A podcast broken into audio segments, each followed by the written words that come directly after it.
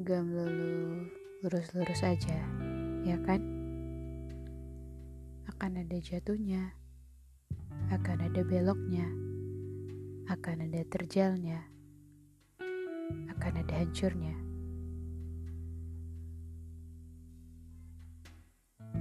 Goals yang selama ini ditanami kepikiran sendiri, at the end of the day, pengennya ya bahagia, selalu. Sebenarnya rasanya gak salah, cuman kan realnya gak kayak gitu. Masanya ada, tapi buat selalu mengharap demikian, kayaknya gak sehat juga buat diri sendiri. Setiap orang pasti punya preferensi yang berbeda-beda soal pengharapan atau gimana caranya kontrol emosi waktu ketemu sama kecewa. Cuman posisiin diri ngerasa least unexpected sama hal yang bakal dihadepin nolong banget juga. Jadi semacam pesimistis tapi dengan versi lebih baiknya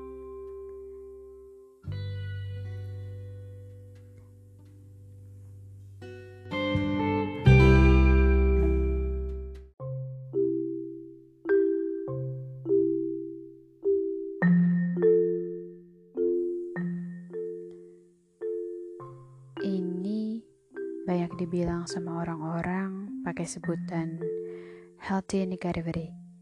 Rasanya memang gak semua emosi negatif dan less expectation itu bawa dampak yang negatif buat diri sama hati. Lazim kok kalau kita kecewa, marah, kesal, sedih, pemikiran-pemikiran semisal kayak oh mungkin dia gak nyaman kali ya sama kita. Hey it's okay. Atau ya gagal lagi nih. Gak apa-apa gak apa-apa kok nemu dan kepentok sama gagal. Atau enggak udah apply berkali-kali kok gak lolos juga ya. Hey yang gak apa-apa juga, masih ada banyak jalan lain. Hidup gak melulu soal keinginan kan, tapi juga penerimaan dan kelapangan.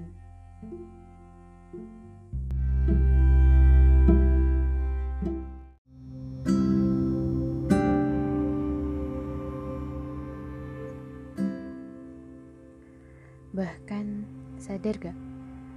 Kadang kita menikmati buat nyicip dan dicap rasa sakit yang kita alamin. Kayak kita terima, kita validasi, terus kita kelola dengan cara yang wajar. Setiap orang pasti punya jangka waktu yang beda-beda juga kan buat healingnya.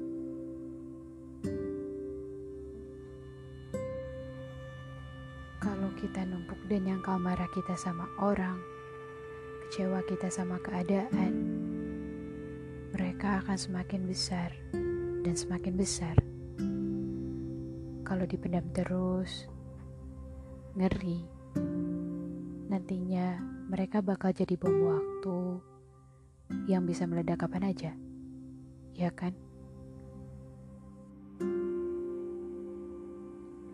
Dan obrolin soal healthy negativity ini biasanya nyangkut juga sama toxic positivity. Jujur, berkali-kali saya lakuin hal yang salah dengan kasih respon ini. Waktu orang-orang terdekat ketimpa masalah, lagi sedih, atau kecewa sama suatu hal. Sebelum ini, belum ada awareness soal toxic positivity atau healthy negativity. Dan rasanya batas di antaranya kayak tipis cuman perbedaannya besar banget. Tadinya kepikir kalau respon atau reaksi yang udah dikasihin itu bentuk empati ternyata bukan sama sekali Semakin ke sini, semakin terpikir. Empati itu lahir dari penerimaan. Menjadi pendengar yang baik tanpa menghakimi. Memberikan ruang dan waktu untuk mereka mengobati diri mereka sendiri. Untuk memproses semua kesedihannya. Gak apa-apa. Mereka butuh waktu. Kita butuh waktu.